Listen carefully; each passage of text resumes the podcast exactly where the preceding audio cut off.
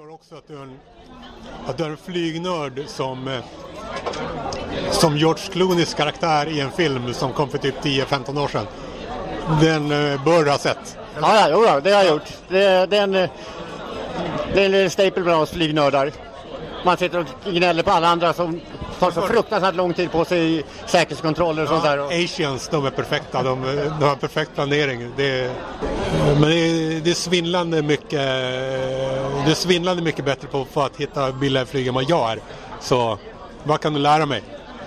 eh, det har blivit svårare och svårare att hitta billiga flyg men eh, jag kan rekommendera just den här businessclass.se.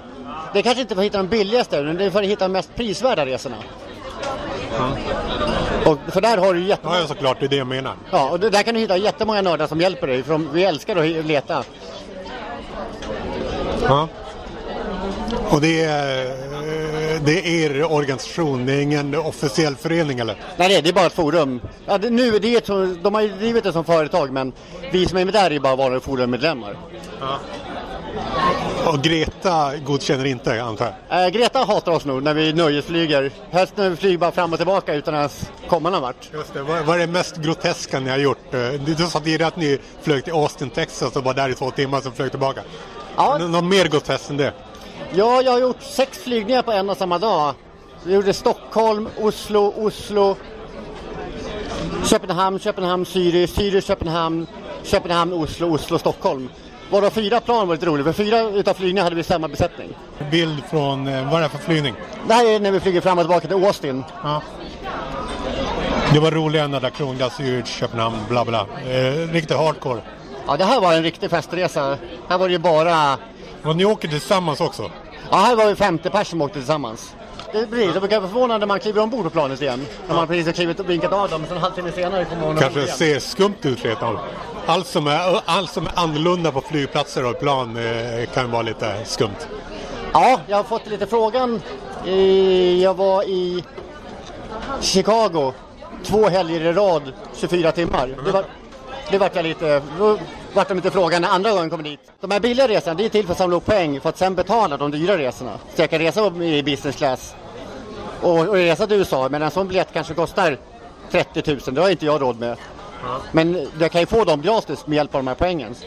Så att om jag lägger ner 20 000, får massa coola resor. Bolagen gillar väl att Ja. vi betalar pengar, men annars är vi ju de sämsta kunderna för vi kräver ju mest för minst betalt. Kräver, Alltså vi vill ju ha så mycket som möjligt. när det gäller... Alltså hur mycket vi får äta ombord och sånt där. Ja, det är det du menar? Ja, vi håller ju reda på vilka, vilka saker som ligger, ligger vi reser med SAS. Och det här är ganska betydelse, vilka saker som ligger i vilka lådor. Och det har vi full koll på Lå- Lådor... i vagnarna. och det är lite bråk om det, för det, och ibland så säger de en sak i sina regler, men så besättningen är inte alltid att de vet. Ni vet bättre än dem. Ja, så, Och det kan jag tänka mig att de absolut inte gillar, de stewardsen och värdinnorna. nej, det brukar vi inte göra. Vad är vi på just nu? Vi är ute på Åländska havet. Genom en bar till den här, den här soffan. Eh, här kan man ligga. Den här soffan, är, det här är verkligen mycket som ett vardagsrum, andra hem.